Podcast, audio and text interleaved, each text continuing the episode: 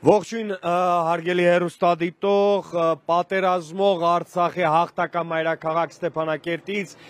Արտնյուզի թիմը շարունակում է աշխատել օպերատիվ տեղեկատվություն տրամադրելով մեր հերոստադիտողներին տեղի ունեցող եւ պատերազմական գործողությունների պաշտոնական տեղեկատվության եւ ընդհանրապես քաղաքում եւ ինֆորմացիոն պատերազմում տեղի ունեցող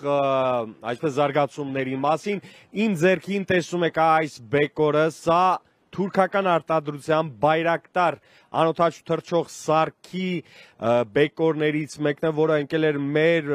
տեղակայման վայրից ընդամենը մի քանի մետր հեռավորության վրա։ Երեք գիշեր Ստեփանակերտի երկինքը հիշեցնում էր ԱԹՍ-ների հրավառություն, որոնք ճանճի պես մեր հանդիպելով մեր հակաօթային պաշտպանության դիմադրությանը ընկնում էին եւ այսպիսի բեկորներ թողնում Ստեփանակերտի ամբողջ փողոցներում մի շարք կարևոր հանգամանքներ եմ ուզում շեշտել այս ընթացքում, թե ինչ է տեղի ունենում վիրտուալ տիրույթում, ինֆորմացիոն պատերազմում, ցանկանում եմ ինֆորմացիոն տեղեկատվական անվտանգության առումով հիգիենիկ մի շարք հորդորներ խնդրանքով դիմել նաև մեր գործընկերներին, մեր հայրենակիցներին։ Տեսեք Ադրբեջանը եւ Թուրքիան այս տանդեմը անցել է քարոշական շատ հուշ ու պայքարի, որին պետք է դիմակայել պարզապես գրագետ եւ ռացիոնալ քայլերով, չտրվելով էմոցիոնալ զեղումների առանց զգացմունքային ինչ որ միջամտությունների։ Շատ པարզ օրինակով եմ ուզում խոսել, շրջանառության մեջ են դնում մի լուր, որը առ երևույթ ոգևորում է հայկական կողմին, հայկական կողմի օկտատերերին, լինի Facebook-ում, լինի Instagram-ում կամ Twitter-ում,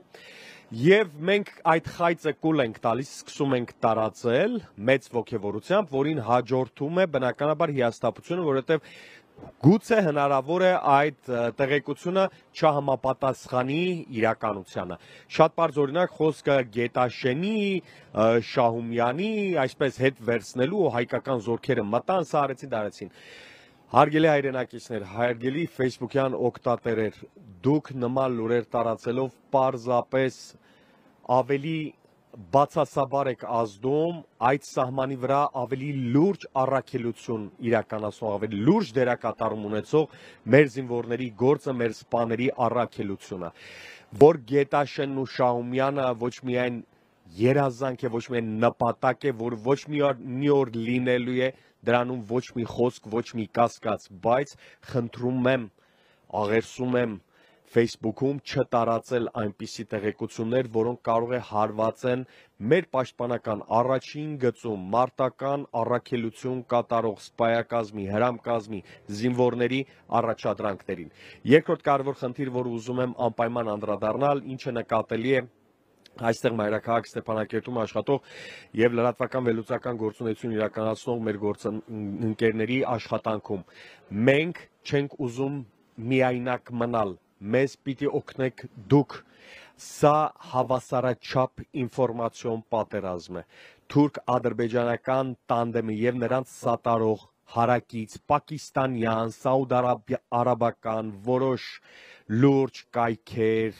մամուլ շարունակում է անընդհատ ջուր լցնել թուրքական պաշտոնական քարոշամեքենայի ջրաղացին, որ սա պատերազմ է Հայաստանի եւ Ադրբեջանի միջև։ Մենք ունենք 3 կարևոր առաքելություն, որը ձեր օգնությամբ պիտի կարողանանք իրականացնել։ Առաջինը պետք է ցույց տալ աշխարհին, որ սա ոչ թե Հայաստան-Ադրբեջան հակամարտություն է, այլ սա Լեռնային Ղարաբաղի եւ Ադրբեջանի միջև երրորդ պատերազմն է։ 92-94 թվականից 2016 թվականի ապրիլից հետո սա երրորդ պատերազմն է։ Այսինքն մենք պիտի շեշտենք Արցախի որպես պատերազմական գործողությունների իրավասուբյեկտիվության հարցը։ Սա շատ կարևոր խնդիր է։ Երկրորդ խնդիրը, որ մենք պիտի կարողանանք լուծել։ Ադրբեջան պետություն, որը պայքարում է Ղարաբաղի դեմ Ադրբեջան պետություն գոյություն ունի ամբողջ զրահատեխնիկան իրենց արսենալը հանել են եւ հանդիպում են հայ հայկական բանակի արժանի դիմադրությանը այդ տեխնիկան ամբողջությամբ թուրքականը պիտի շեշտադրենք, սա շատ կարևոր է։ F16-ի պատմությունը մեզ լավագույն օրինակ կարող է ծառայել այդ իմաստով։ Թուրքական տեխնիկա, թուրքական ԱԹՍ-ներ, թուրքական անհարկի միջամտություն եւ բնականաբար պետք է առաջ տանել այն թեզ, որ Թուրքիան երբևէ չի կարող հավակնել որևէ դերակատարման Ղարաբաղյան հակամարտության կարգավորման գործում, լինի բանակցային սեղանի շուրջ, լինի ռազմի դաշտում, ինչի ականատեսը մենք լինում ենք մասնակցության առումով եւ երրորդ ամենակարևոր շեշտադրումը, որ ուզում եմ անել, ինչի մասին անցած երկու ամիսների ընթացքում անընդհատ կրկնում էինք մեր եթերների ընթացքում, մեր վերլուծական, խմբագրական խոսքում ասում էինք, պետք է կարողանալ հնարավորինս շատ հեշտեգերով լինի Twitter-ում, եթե չեք գրանցվել Twitter-ում, Twitter-ում գրանցվեք, որովհետև ադրբեջանցի այսպես օկտատերերը շատ ակտիվ են այդտեղ եւ հակահայկական ուժեղ քարոշություն են